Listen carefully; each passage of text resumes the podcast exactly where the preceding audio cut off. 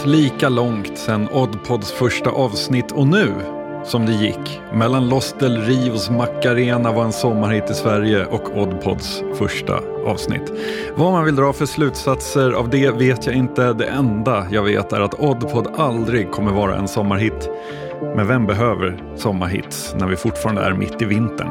En vinter som här i Stockholm nu har övergått i den härligaste fasen, nämligen blöta gator som är täckta av grus och fläckvis fryst slask. Det här är Oddpod, det här är avsnitt 353 och vi som väntar, eller kanske inte väntar, på vårtecken är jag som heter Billy Rimgard och min kära vän och kollega Tobias Norström. Hallå. Hej. Hur är läget? Jo, men det är bra. Hur är det själv? Jo, men det är under omständigheterna okej. Vilka omständigheter? Uh, hashtag livet. du sa någonting där i inledningen som, som jag tänkte på, det där vill jag återkomma till. Och sen sa du någonting annat som gjorde att jag tappade bort det. Mm. Uh, 17. Det, du ville dansa Macarenan. Just det, Macarenan. Jag gissar att du ville liksom få det på någon, den här känslan av att det känns som att det var, mycket, att det var väldigt länge sedan. Eh, alltså hur tid upplevs konstigt och så vidare. Men Macarena, det känns som att det var kortare tid mellan Macarena och Oddpod start än Oddpod start och nu. Just det.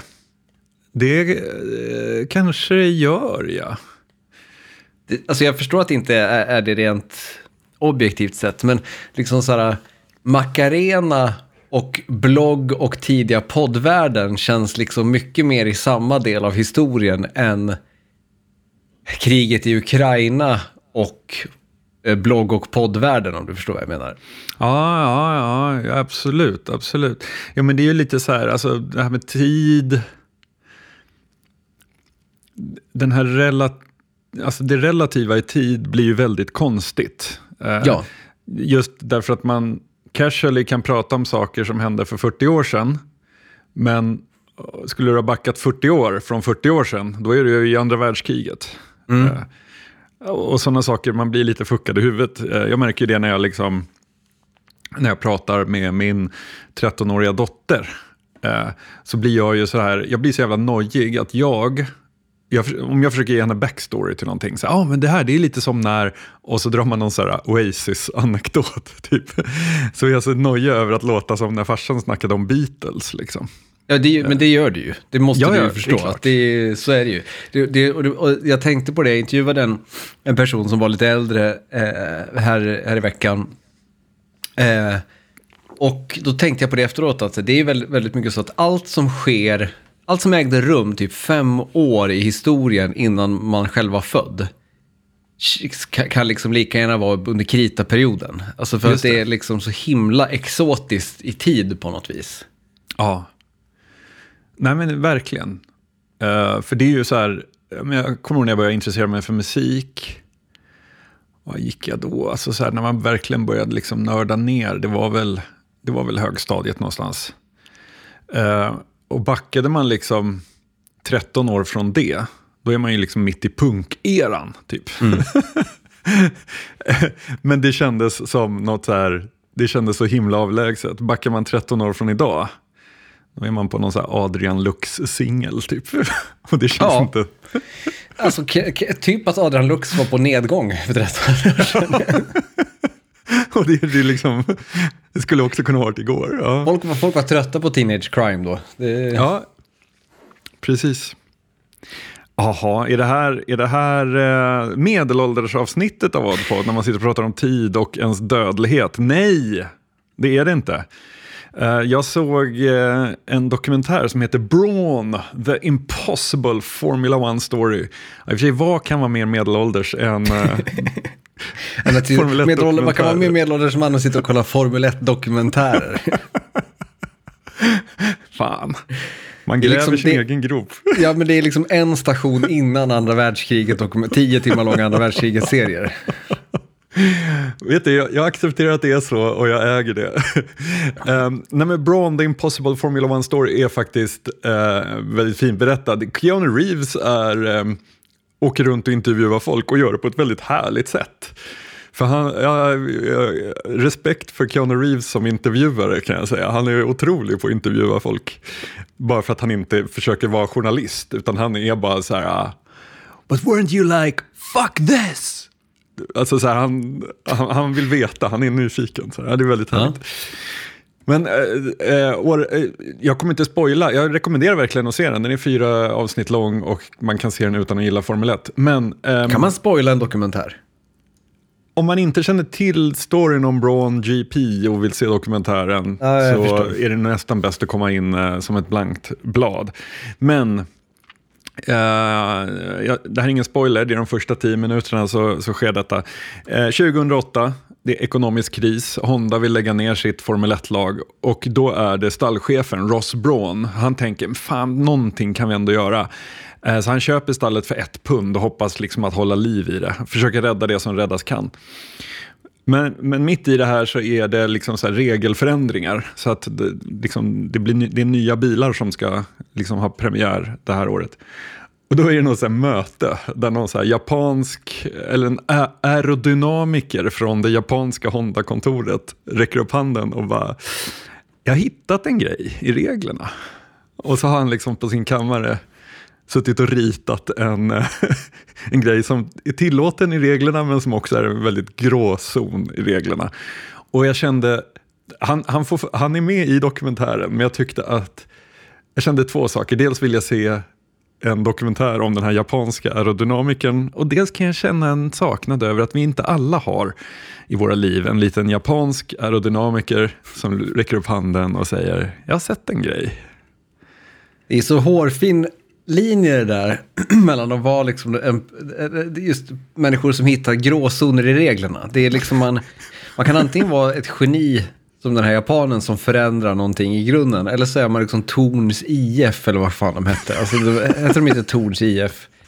Eh, den här fotbollsföreningen som hittade den här luckan i offside-regeln i fotboll. Har du, har du sett, ja. sett det? Ja, det är fantastiskt.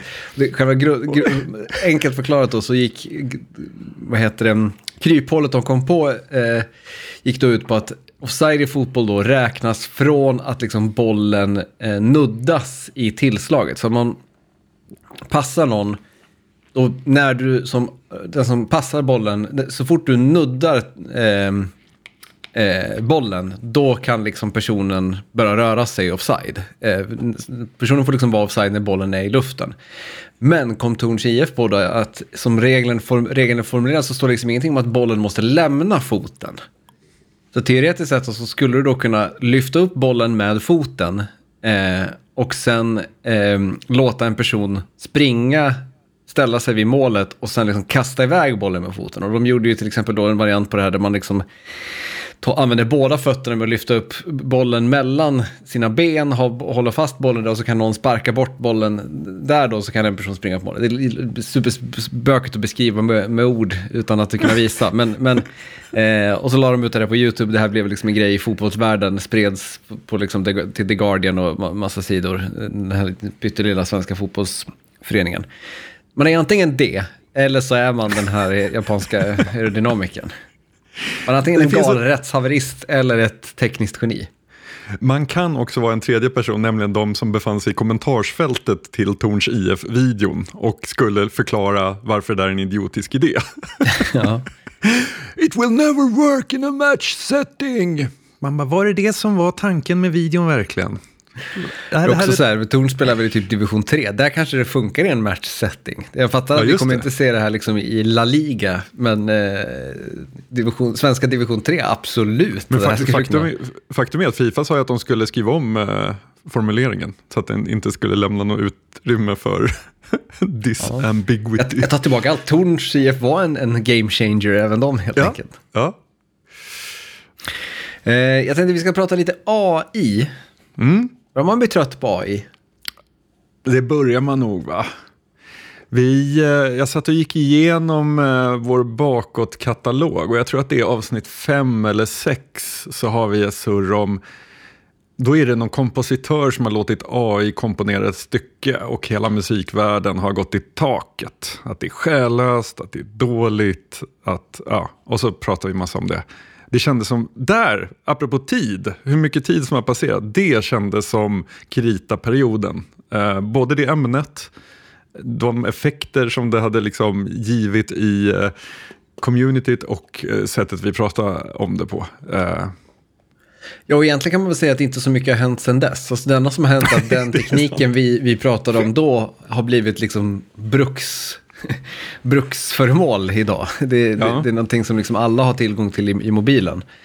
Eh, så mycket mer än så är det väl inte. Men det, jag har identifierat en grej i, för jag är också ganska trött på, på allt AI-snack, och jag har liksom identifierat att ett, en stor anledning till att man blir väldigt trött på AI-snacket. Dels för att det liksom så här, AI förut var en intressant diskussion om ett eventuellt problem och om liksom en, en, en, en utveckling som väckte massa frågor. Det har liksom gått från, från att vara det till att kännas som liksom spray.se typ. Eh, alltså en, en, en, en, liksom en en techgrej som alla vill tjäna pengar på, i snarare än en idé på något vis. Alltså ett, ett buzzword mer eller mindre. Men det jag har tänkt på som, jag, som jag har identifierat som är varför man liksom så snabbt tröttnar på det, det är att hela den här liksom samtalet runt AI är så otroligt eh, polariserat. Inte i att det är liksom en vild debatt med starka åsikter, eh, utan att det är liksom extremt i engagemang eller i apati. Alltså att antingen så tycker du att det här är liksom den största game changern sen Gutenberg liksom började tryck, uppfann tryckpressen. Eller så liksom rycker du på axlarna. Och det gör att det blir så tröttsamt. Just för att det finns liksom ingen intressant, eh, inget, inget, inget intressant mellanläge där man liksom pratar om det här utifrån någon slags sansat perspektiv på något vis. Fast jag tänker så här, Joakim Jardenberg på Twitter 2010, är det så stor skillnad? Uh, jag minns inte vem på, Joakim Jardenberg var. Ja, men någon sån här, han, han var väl någon sån här uh, uh, sociala medier-evangelist. och, och, och, för, för det, fanns ju den där stråket i att Twitter och kommentarsfälten var liksom den game changen också. Ja, du menar så? Um. Att man hetsade att så här, nu ska, så här, det är dags för politikerna att komma in på Twitter. Och du vet, så här. Man väntar fortfarande på avbönen från den där ligan, som då var så himla inne på...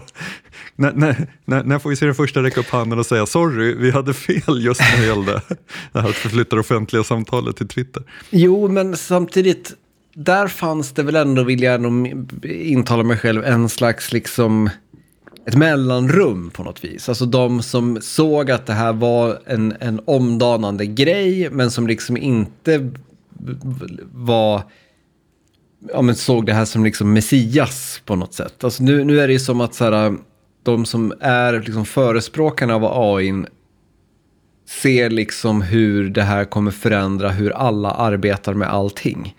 Eh, och jag vet inte, för mig, det, det, det, det känns... Eh, jag, är liksom, för jag, jag, själv befinner mig i någon slags mellanläge. Där jag liksom bara, tycker att det är ganska intressant. Men tycker också att det liksom känns otroligt uppblåst alltihop. Eh, mm.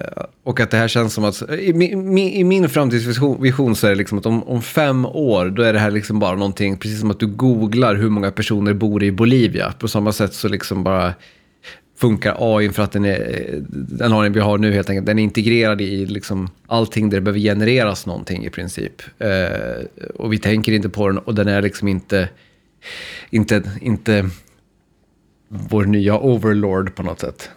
Ja, men så det jag, jag kan sakna lite, det är ju så här, eh, jag ser ju utvecklarna på jobbet som sitter med en sån, eh, eh vad heter den, Google Duett heter den va? Eh, de börjar skriva sin kod. Eh, och vartefter de skriver så kommer förslag på vad det ska vara. Och man behöver inte skriva många tecken innan den fattar precis vad det är man kommer försöka göra och föreslår liksom 30 rader kod. Så kan man bara tabba sig fram och, och så får man den. Liksom. Eh, och det är ju såklart att, alltså så här, vid, vid, första ögonblick så ser det ut som magi. Man bara, hur är det möjligt? Men sen inser man att den här kodsnutten har ju skrivits en miljard gånger tidigare, så den har ju lite referensmaterial. Eh, och då börjar man inse att, så här, just det, så här, allt det här skitgörat som man alltid måste göra, så här, det kan man ta hand om med AI-verktyg, så kan vi syssla med liksom att tänka eh, tänka ett steg längre, så att säga. Göra det som inte finns en mall för redan. Och det är ju... Men är vi så alltså, intresserade av det egentligen? Nej men, nej, men precis, det är det jag menar. Det är lite så motsvarande att så här, man, när man kunde börja betala räkningar, vi, vi, som är så gamla att vi minns, när man började betala räkningar på internet istället för att gå med liksom ett gäng av avier till posten. Eller ringa telefonbanken. Ja, precis. Alltså, effekten blir precis densamma, men det spar tid. Det, blir, det, liksom, det, det, det spar tid, men, men the outcome är precis samma sak. Um, och det är där jag kan känna mig lite så underwhelmed av det höga tonläget runt AI ofta, därför att så här, så här, ah, vad skönt, uh, man slapp göra X, Y och Z och kunde bara koncentrera sig på det som var kul. Alltså så här, eller förstår du hur jag tänker? Ja, ja, det, är, det, det, det, är mer som ett produktivitetsverktyg eller att här, slippa göra skitgöra-grej snarare än att ta oss till nästa nivå. Eh, och det är klart att vi snart kommer komma kanske till ett ställe där vi kan ta oss till nästa nivå. Eh, men det blir bara lite så här... Det ändå, jag fattar att det höga tonläget är kopplat till hur mycket pengar man kan tjäna på det, för jävlar vad stålars de drar in alla som... alltså det är ju, det är ju Snake Oil eh, till, till, stora delar. Liksom. Mm. Um, men med att ta ett sånt program som Excel, uh, vi tar det för givet, vi hånar det. Vi tycker att, att Excel är liksom en, någon slags kontorsslavsmarkör och så vidare. Men tänk jämfört med när man satt med någon sån här kassamaskin med eh, pappersrulle och någonstans blev det fel eh, för en timme sen och då kommer hela uträkningen ha pajat. Och, ja, du vet sådär. Tänk vad Excel i sin enkelhet, eh, det vi tycker är enkelt, vi fyller i lite siffror och sen så rasslar det till.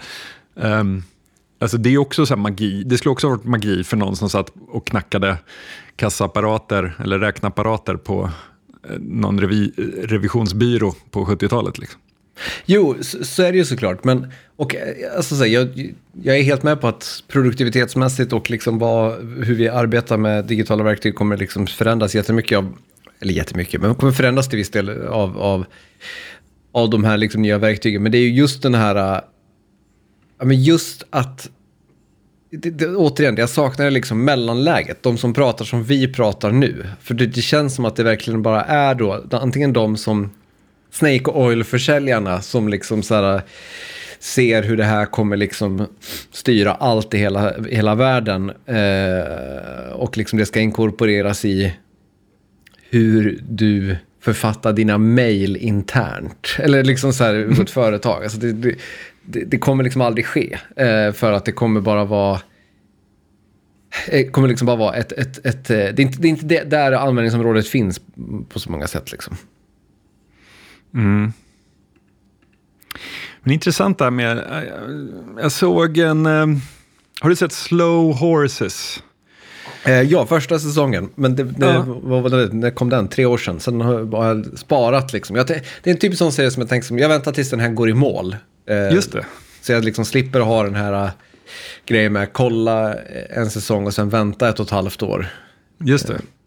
Ja, eh, vi, plöjde igenom eh, säsong 1 och säsong 2 har börjat på trean. Eh, det är en spion, eh, MI5, spionserie i London med Gary Oldman som en avdankad eh, spion, för de som inte känner till vad det är. Är Apple TV det nya HBO för övrigt? Det är en Men det har, det har jag, den, den testen sjösatte jag för länge sedan. Okej okay då, okay då, då parkerar vi den tills vidare. ja, ehm, Ja, men alltså, så här, det jag gillar med den här det är att de är jävligt dekade, det är jävligt sunkigt. Liksom. Eh, det finns inget glamoröst i det. Man tänker att underrättelseverksamhet, spionen har ju någon slags, jag vet inte, är det bara James Bond? Nej, det är det inte. Det, det finns ju något, finns ju något mystiskt i spionen. Um, eller också John Le Carré tänker jag, liksom just ja. den här, det är den här bildade mannen som är en, en man av världen. Eh, nästan mer skulle jag säga än, än liksom James Bond. Eh, den liksom så här, mannen som erövrar är inte, är inte för mig sinnebilden av spionen. Såklart har James Bond gjort jättemycket för bilden av spionen, men, men jag tänker liksom mer den här intelligenta eh, gentlemannen, gentlemannen på något sätt. Och det är så här, eh, en på jobbet som ska sluta och börja på någonting som han inte ens får berätta vad det är. Det är så hemligt så att han, han kan inte säga vad han ska göra. Eh, och det kittlar ju. Då tänker man så här, det här, glamour och så vidare. Men jag har ju alltid tänkt så här att underrättelseverksamhet förmodligen är så här, det är riktigt, riktigt dåliga kaffemaskiner. Det är långa ledtider, frustration över att inte få saker gjorda. Ena handen vet inte vad den andra gör, för man delar aldrig information och så vidare. Eh, och så, så, jag tyckte att Slow Horses var en väldigt härlig... Eh, eh, ja, ja, den bekräftar min bild mer av underrättelseverksamhet. Är. Men just det här, yrkesgrupper som reproducerar bilden av sig själva är så himla intressant. Om man tänker så här, eh, truckern, bilden av den här amerikanska truckern som lägger highway miles bakom sig. Eh, och där vid slutet av vägen så väntar kärleken. Det är ganska långt ifrån lastbilschaffis från Polen som sitter i mjukisbyxor och slirar runt på dåliga sommardäck i Lappland. Liksom. Um, häromdagen så var jag nere i källaren och letade efter dotterns skridskor för hon skulle på eh, eh, friluftsdag. Alltid en panik. Har vi skridskor som passar? Var finns de? Och så vidare. Hittade dem. Hittade också massa annat kul. Den här tidningen Z, nummer 6, 1995. Omslaget så är det ett par personer i skjorta med så masker för ansiktet och rubriken “Jagade” står det. Underrubriken är “De har mycket att dölja, men för oss slänger de maskerna”. Läs den sanna historien om Swedish Hacker Association, Sveriges genom tiderna mest förföljda databusar. Då tänker jag så här, 1995, genom tiderna, hur många databusar hade vi haft 95? Um, ehm, artikeln inleds, det är inte jag som hittar dem, det är de som hittar mig. Men i ett, ett stycke i den här då, så står det så här, klockan är tio över nio, Nils ligger och sover. Intill sängen står två persondatorer. Högar med disketter och mängder med handskrivna lappar ligger utspridda. I vardagsrummet står lådvis med Coca-Cola-burkar. Coca-Cola är deras livselixir. CC kallas det i hackerkretsar. Kaffe fungerade inte, det gav bara dålig mage. Men två liter CC på ett dygn var inget ovanligt. Annars är standardmaten hamburgare eller pizza. För det första, CC, känner du? För mig från spelvärlden så är ju CC någonting helt annat. Det är ju crowd control. Ja. Aldrig hört cola kallas för CC. Um, Okej, det är 30 år sedan den här artikeln skrevs. Nästan samma år som Macarena var en sommarhit. uh, uh, men det här är ju ändå en bild av data. Den, men också så här, det känns som att det skulle kunna vara två år, alltså Oddpod skulle kunna starta två år efter att den där artikeln skrevs. Mm, mm, mm, mm, verkligen, verkligen. Men jag tänker så här, den här bilden som ändå finns kvar genom massa olika tv-serier och sånt, även då Slow Horses, deras eh, IT-snubbe är ju rakt in i den här eh, karikatyren jag tänker nu mer att tänka så här, det här har inte så mycket att göra med att de är programmerare, utan jag tänker på att de är killar. jo, lite så är det också. Men sen är det väl så här, datorn, datorn. Datorn. ja, lät som en, en, en man på 90-talet som oroar sig över att alla jobbar med data. Men vad heter det? Det är gymnasielärare som många gillar. Ja, eh, men det känns ju som att så här, liksom, mobiltelefonen och datorns intåg i var mans hem har ju liksom också, och framförallt på varje arbetsplats har ju också gjort att alla har ju blivit det där, så att säga. Alltså, mm. Jag tänker att så här, eh, det hänger ju också ihop med att spionyrket idag känns ju liksom inte alls lika sexigt som spionyrket på 1900-talet. I och med att Nej. spionyrket på 1900-talet då var du liksom tvungen att ge dig ut i världen för att, hitta, för att liksom tillskansa dig information. Det behöver du inte i samma utsträckning eh, idag.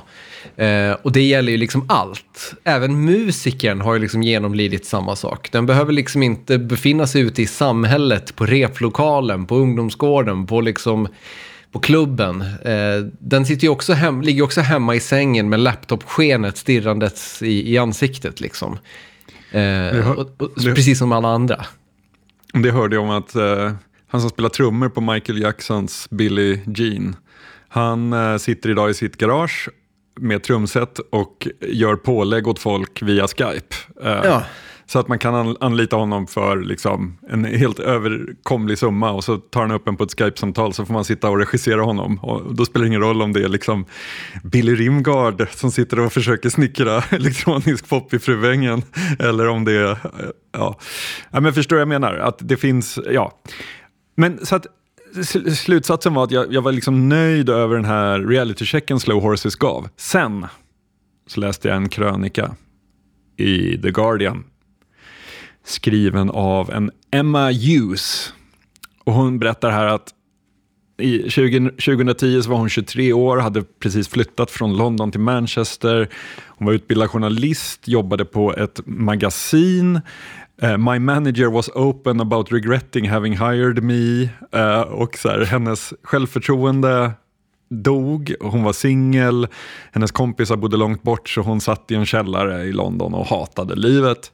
Hundåren. Ja, exakt. Och en av de där dagarna så poppade en uh, recruitment ad upp uh, från MI5 uh, eh, och de skickade en länk till ett test man kunde göra. Hon gjorde det här testet.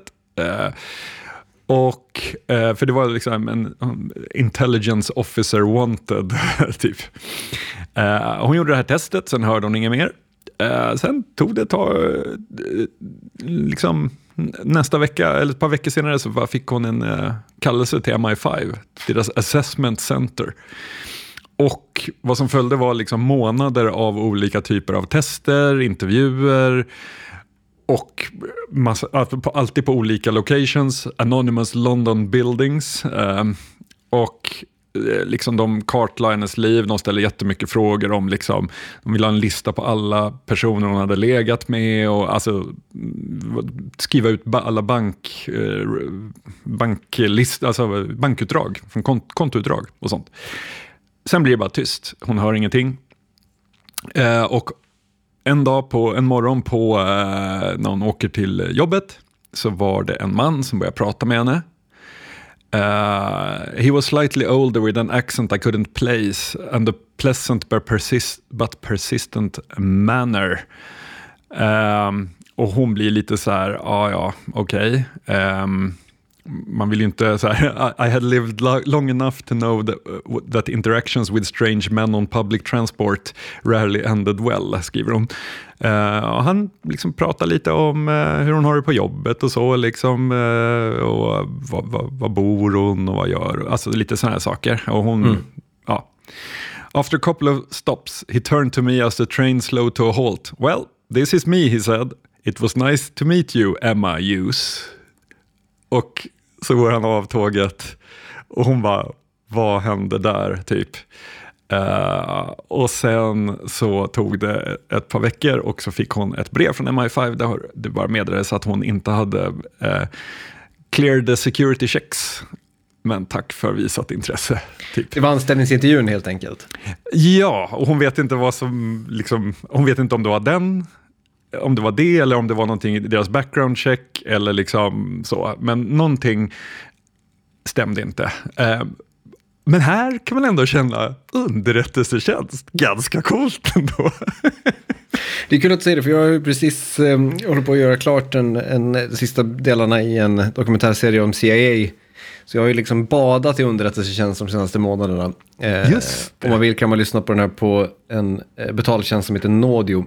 De sista avsnitten kommer nu i mitten på mars. Jag har hört de eh, första tre, det är bra grejer alltså. Ja men tack, kul. Um, och det, det, och det, så jag har liksom tänkt mycket på underrättelsearbete och just spioner och, agenter på, på, slutet. Och det känns ju som att det är liksom väldigt mycket ett, ett skifte som äger rum liksom under 90 och 00-talet i hur liksom, man rekryterar och vilka typer av agenter man vill ha. Alltså, eftersom att så här, förr i tiden krävdes det verkligen att så här, ja, anledningen till att i CIAs då, som att de jag har läst på mest om, i deras begynnelse, att det liksom var män från Harvard och så vidare som fick alla de här grejerna, det var ju för att allt handlade ju om kontakter. Eh, mm. Alltså om du var en person som hade lite kopplingar på kanske något utrikesdepartement, kanske något konsulat, kanske liksom någon diplomat du kände för att du har liksom semestrat på någon plats och så vidare. Det, betyd, det var liksom all skillnad i världen mot om du bara var liksom en vanlig knegare. Det betydde ingenting liksom för CIA. Eh, så att, och det, det, var ju liksom det som var det avgörande under väldigt, väldigt många år. Men att man sen då behöver liksom i större utsträckning, inom citationstecken då, vanliga människor. För att liksom vanliga människor är de som kan göra eh, ja, men det är ouppseendeväckande så att säga. Det är de som kan smälta in, det är de som liksom så här, man kan bara rekrytera och ha puttrande i ett, ett, ett liksom samhälle. Ger dem liksom väldigt så enkla, eh, tydliga eh, uppdrag när det behövs.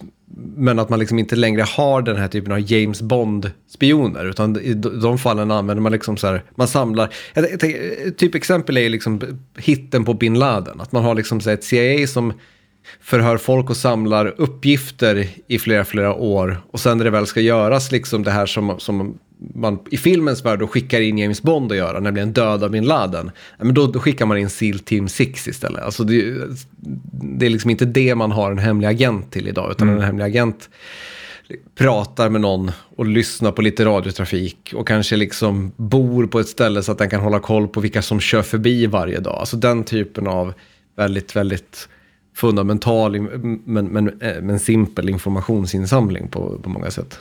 Mm.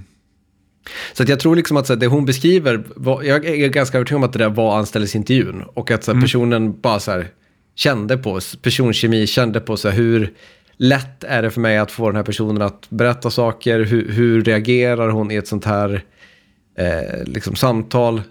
För att också bara tänka så här, vad händer den dagen när liksom inte vet jag, Mossad vet att hon jobbar för MI5 och, eh, eller ja, nu skulle vi kanske inte Mossad, eller ja, det kanske de FSB. Ja, men exakt, FSB, liksom så här, när de approcherar, hur, hur, enkelt kommer det vara för dem att få henne att öppna upp och så vidare. Eh, ja. Precis. Men så att det, det, det är ju en, en, spännande värld, men som, som sagt, jag tror, så här, anledningen till att man tänker spionen som en del av 1900-talet är också jättemycket för att det är en del av 1900-talet. Idag är liksom spioner, visst det är klart att det finns människor som infiltrerar organisationer och så vidare, men det handlar om, mycket, i mycket större utsträckning om, om annat än att vara på plats på marken. Liksom. Eh, tror jag. Eh, vi fick ett mejl som jag har tänkt på eh, ganska mycket. Från Pelle Sten, trogen Oddbot-lyssnare, alltid uppskattad. Eh, det var en printscreen från det halvnya sociala, sociala mediet Blue Sky. Där en person med signaturen Blacksmith skriver The algorithm here is a little heavy handed. I've been liking people's posts of their past on cats in solidarity from my own sweet Ned's passing. And now it's endless dead cats on my timeline, and oh god, there's too many. This is now the dead cat app.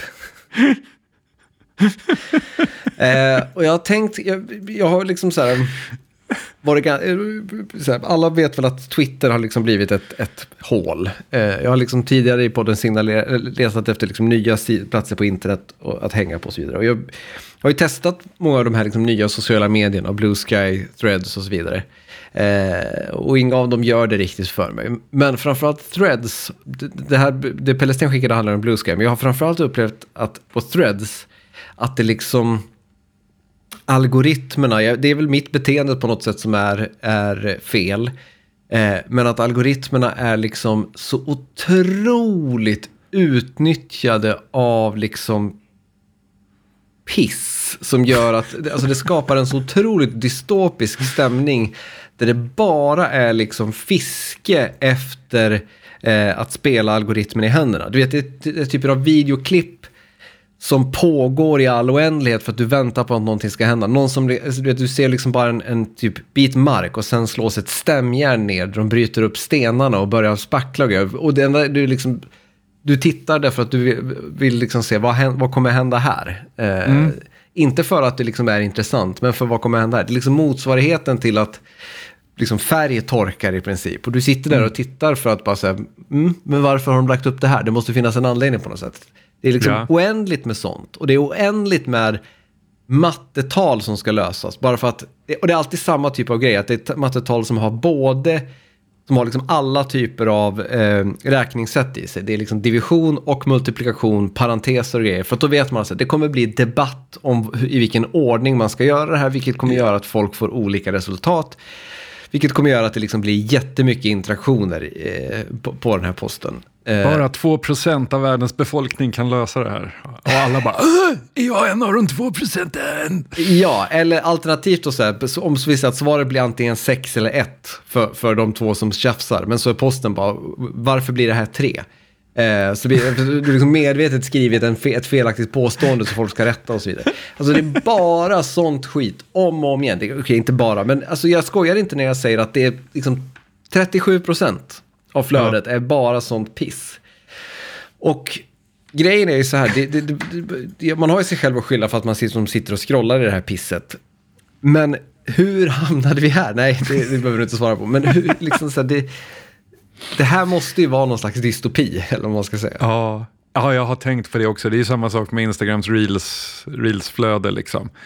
Att, så här, som du säger, allt det här som var designat för att, att funka i algoritmen. Och när det tar slut, då skickar de på någon, någon avklädd tjej. Och man bara, ja, är det, här, är det här det bästa ni har att komma med? Liksom? Jag tänker så här, ni borde veta så jävla mycket om mig. Eh, eftersom de numera har börjat med sitt vidriga att acceptera att bli dataspårad eller betala, vilket man in, ju inte får. Så jag hoppas Schrems och gänget slår ner hårt på dem så småningom. Men de vet allt. Eh, och ändå så är liksom det bästa de har att komma med är någon, någon, någon tjej som struttar runt i ridbyxor. Liksom. Man bara, ja, Alltså, Men det, det, är också ett så himla förlorande krig. För jag har liksom så här, jag uttryckte ju det här, jag ut, lanserade begreppet algoritmoro för något år sedan i podden. Att ja. liksom här, man kommer liksom sitta och inte vilja klicka på saker för man vet vad det kommer göra med ens algoritm. Eh, men oron är död för att det är bara piss. jo, men också jag har insett att det är ingen idé att vara orolig för det är liksom ett krig du aldrig kan vinna. För, mm. alltså oavsett hur mycket du försöker manipulera omedvetet eller medvetet algoritmen till, en, till saker så, så, är den liksom lutad mot pisset. Det är det som är mm. problemet. Att så här, jag har liksom haft perioder då jag liksom har, i veckor har liksom konsumerat timmar av filosofivideos på YouTube. Men så liksom räcker det med en kväll där man tittar på liksom Hearthstone Battlegrounds-videos. Och då är det liksom så här bara Hearthstone Battleground-videos i flödet i tre veckor. Så det, eller liksom så här, eller just den här typen av liksom, eh, alltså jag följer, på Threads och Bluescreen, jag följer liksom så här 60% science fiction-författare, 40% människor som jag vet vilka de är i, liksom, som skriver för tidningar eller liksom är kulturjournalister och whatever. Och det är ändå så är, det liksom, är algoritmen liksom tiltad mot det här pisset. Det går liksom inte att komma förbi det, vad man än klickar på på något sätt. Gre grejen är så här, det jag har lärt mig på YouTube, det är att när, man in, när algoritmen slänger på en Crazy Car Crashes Compilation från Ryssland, 27 miljoner views. Om man inte kan stå emot, utan man tittar på den där, då måste man sen in i sin historik och ta bort den från sin historik. Så att man, ah. man, man, kan, man kan absolut gå på dem där och välja den enkla vägen i det lätthuggade. Men man måste städa efter sig, för annars så kommer det komma en oändlig ström av crazy car crashes compilations. Så ja, att, alternativt får man väl ha två konton. Alltså ett, ja. alltså som man har med mailen, ett liksom spamkonto som man använder när man signar upp på shady shit. Ja. Och ett som är liksom ens officiella på något sätt. Det är väl det jag... där man får hamna på, på alla plattformarna. Det, det där är väldigt roligt för att jag, jag gjorde det för, för något år sedan. Um, eller något år sedan, det är nog flera år sedan, men jag har ett liksom helt musikinriktat konto på YouTube. Eh, så jag kan eh, följa liksom, olika musik-youtubers och, och, spara playlists med liksom, olika tutorials och sånt. Och sen har jag mitt vanliga, där jag är lite mer så här, ja, men så här uh, speedrun-videos eller ja, men lite mer dokumentärt och sådana saker som du säger. Uh, och jag, tyckte, jag, jag var så nöjd med mig själv att så här, fan, det här funkar jättebra. Sen insåg jag att min dotter, hon var ju way ahead of me, för hon har ju ett TikTok-konto för varje intresse. Hon har en fotbolls-TikTok, hon har en Taylor Swift-TikTok och så vidare. För att hon bara, men jag vill inte, det blir så, det blir så grötigt om jag alltid samma. Liksom. Mm. Uh, så hon switchar ju mellan sina konton beroende på vad det är hon så en Champions League-kväll när vi sitter här och kollar på fotboll, då är hon ju inloggad med sitt fotbolls-TikTok. Liksom. Eh, Okej, okay. det, det, det är det som är vägen helt enkelt? Ja, så att eh, man måste partitionera och segmentera sin, sin visningshistorik. Men visst är det inte bara jag som, som jag är inte bara paranoid men visst är väl den här liksom algoritmen eh, biased mot skiten? Alltså att det spelar liksom ingen roll om man konsumerar oändliga mängder av saker. Alltså som ett typexempel, jag berättade att jag jobbar med den här CIA-serien. Jag har kollat liksom timmar på du vet, gamla förhör och grejer. Alltså du vet, så här, constitutional hearings och indictments och grejer på liksom amerikanska polit politiker, på liksom CIA-chefer. Alltså du vet, i rent research efter suttit och kollat hur mycket gamla nyhetssändningar och grejer som helst. Kommer aldrig upp som re rekommendation som relaterar till det någonstans, någon gång. Nej, ja, men så är det ju. Jag menar, jag, jag på Instagram, man, man, kan, alltså jag sitter ju aktivt och letar upp olika typ så här modularsyntsfantaster och den typen av grejer. Eh, sitter och kollar på deras videos och sånt. Och det är ju liksom så här, kolla, här sitter jag ju helt aktivt letande efter det här. Släng mer sånt här på mig. Men nej då, det får man inte. Istället får man någon som är bra på att slå frivolter från sitt eh, trädgårdsskjul.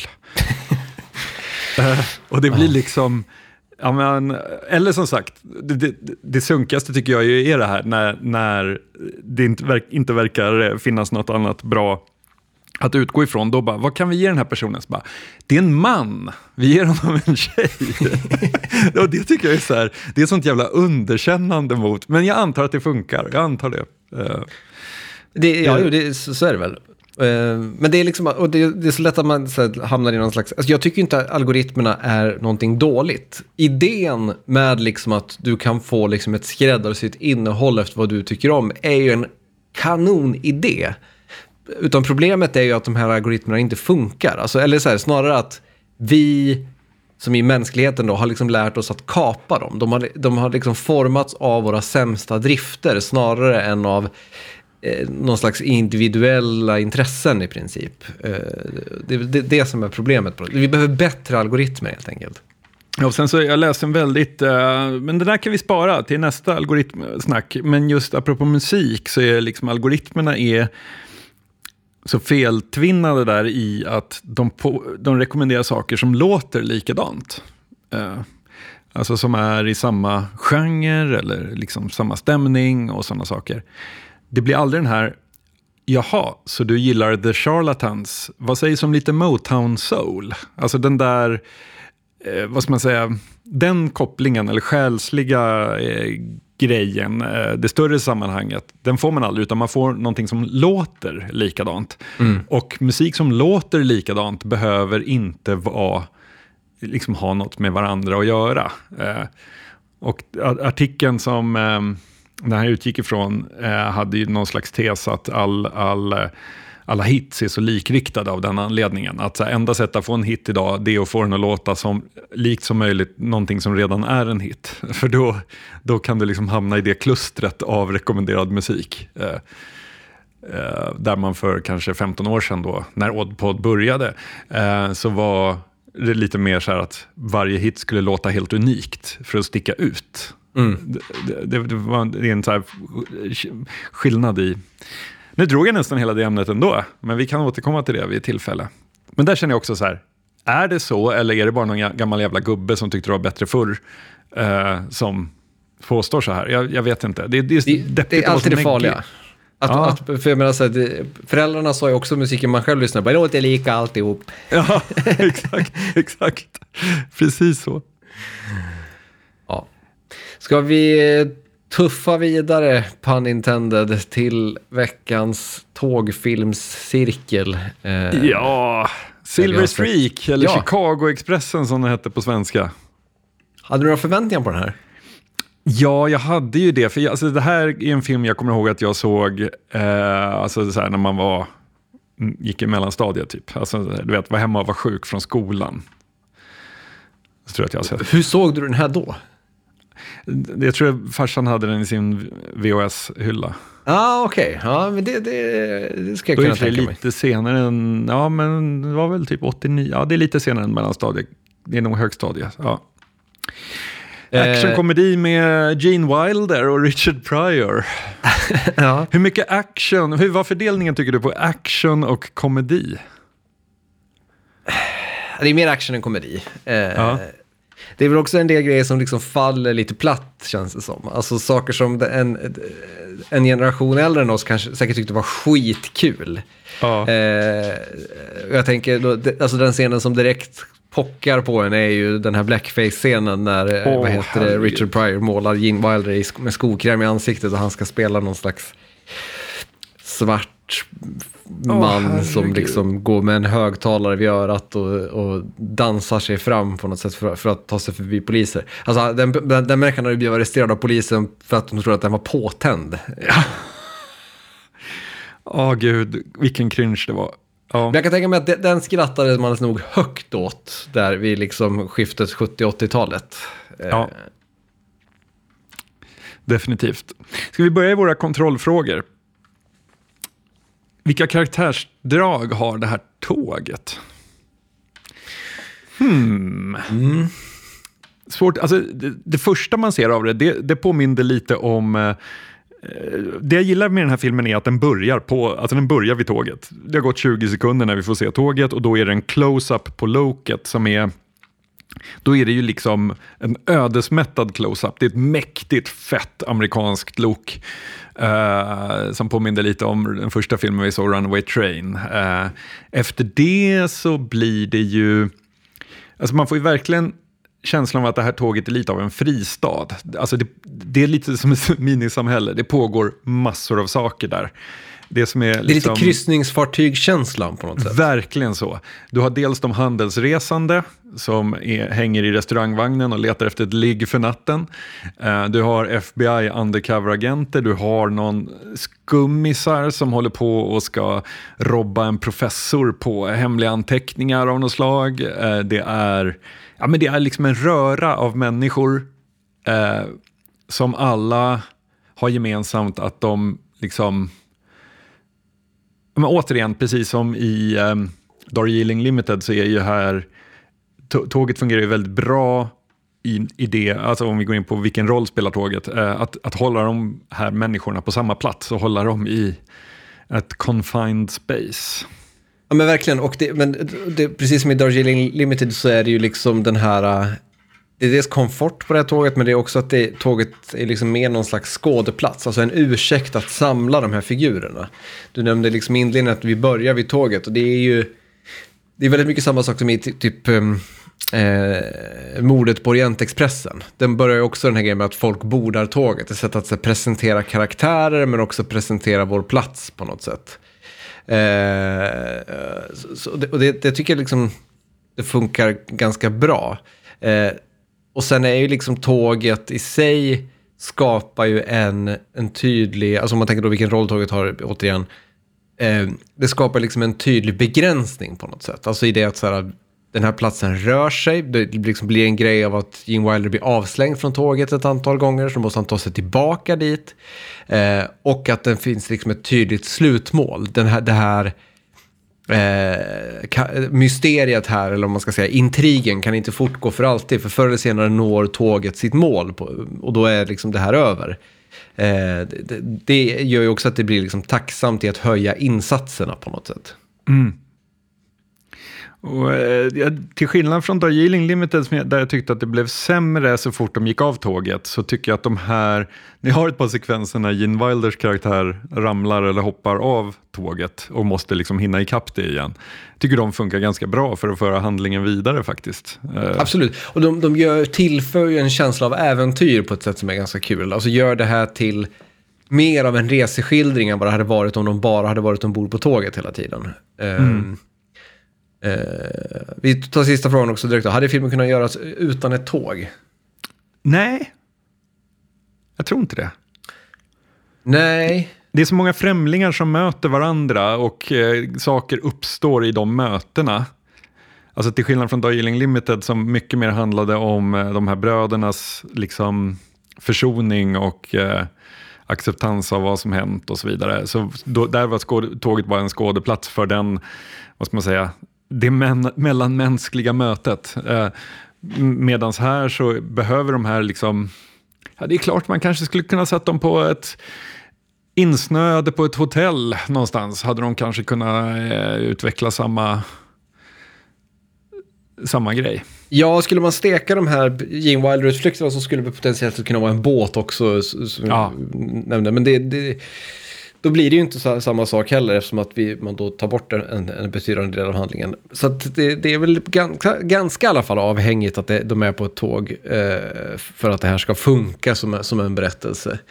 Eh, det som jag däremot inte tycker funkar i den här berättelsen, det är själva intrigen. Alltså dels är det liksom så här jag såg filmen för några timmar sedan. Jag kan fortfarande inte riktigt förklara vad, vad som var själva insatsen i den här berättelsen. Alltså, eh, alltså vad, med professorn och med de här Rembrandt-breven och förfalskad konst och allting. Jag, hängde liksom inte riktigt med i vad är det som står på spel här egentligen.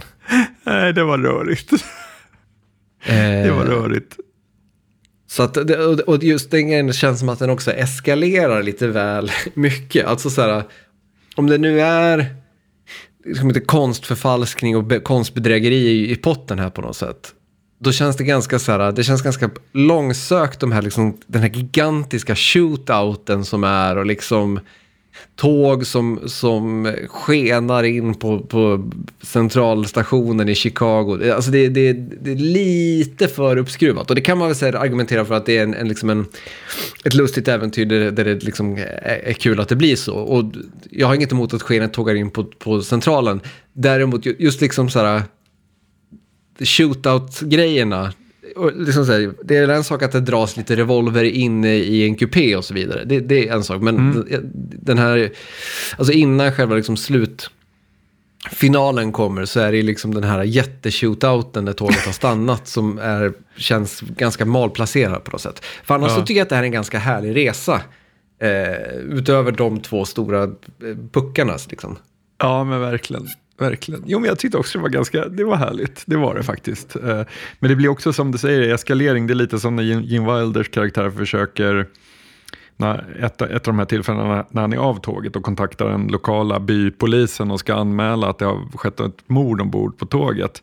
Och hela den här konversationen spårar ur och slutar med att han skjuter sig ut, typ, ja, det avfyras väl inget skott, men det pekas i alla fall pistol och hotas poliser och han stjäl en snutbil. Liksom. Eh, eh, därför att det hela vänds mot honom och han blir anklagad. Alltså det blir, bara blir så här, för en vanlig, vad är han, han är en publisher.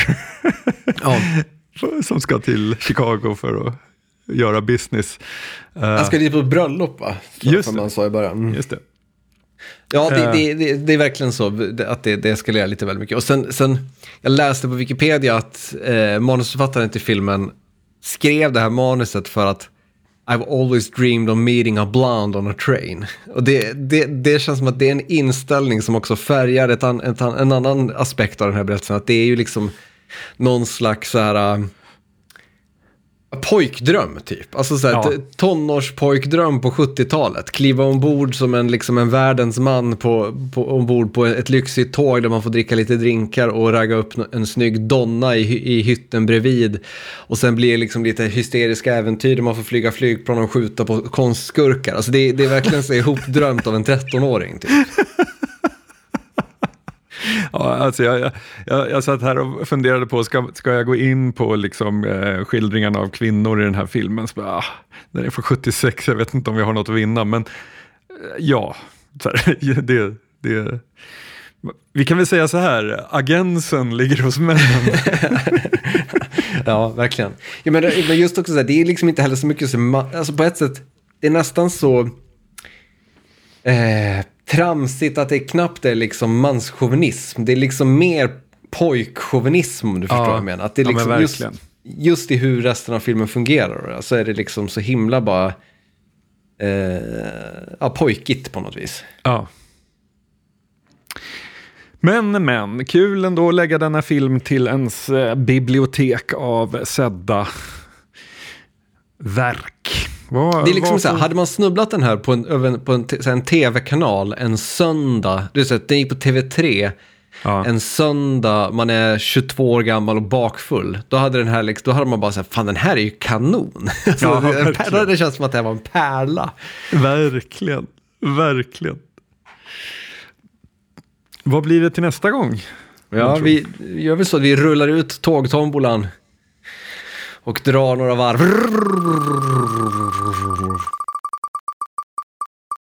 Då ser vi att vi landar på eh, Europa 1991 av Lars von Trier.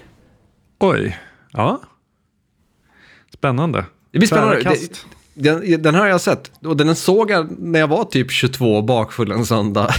Och tyckte den var att, kanon? Ja, det, jo, det gjorde jag förvisso. Men det ska bli kul att se om den nu i, i eh, mogen ålder.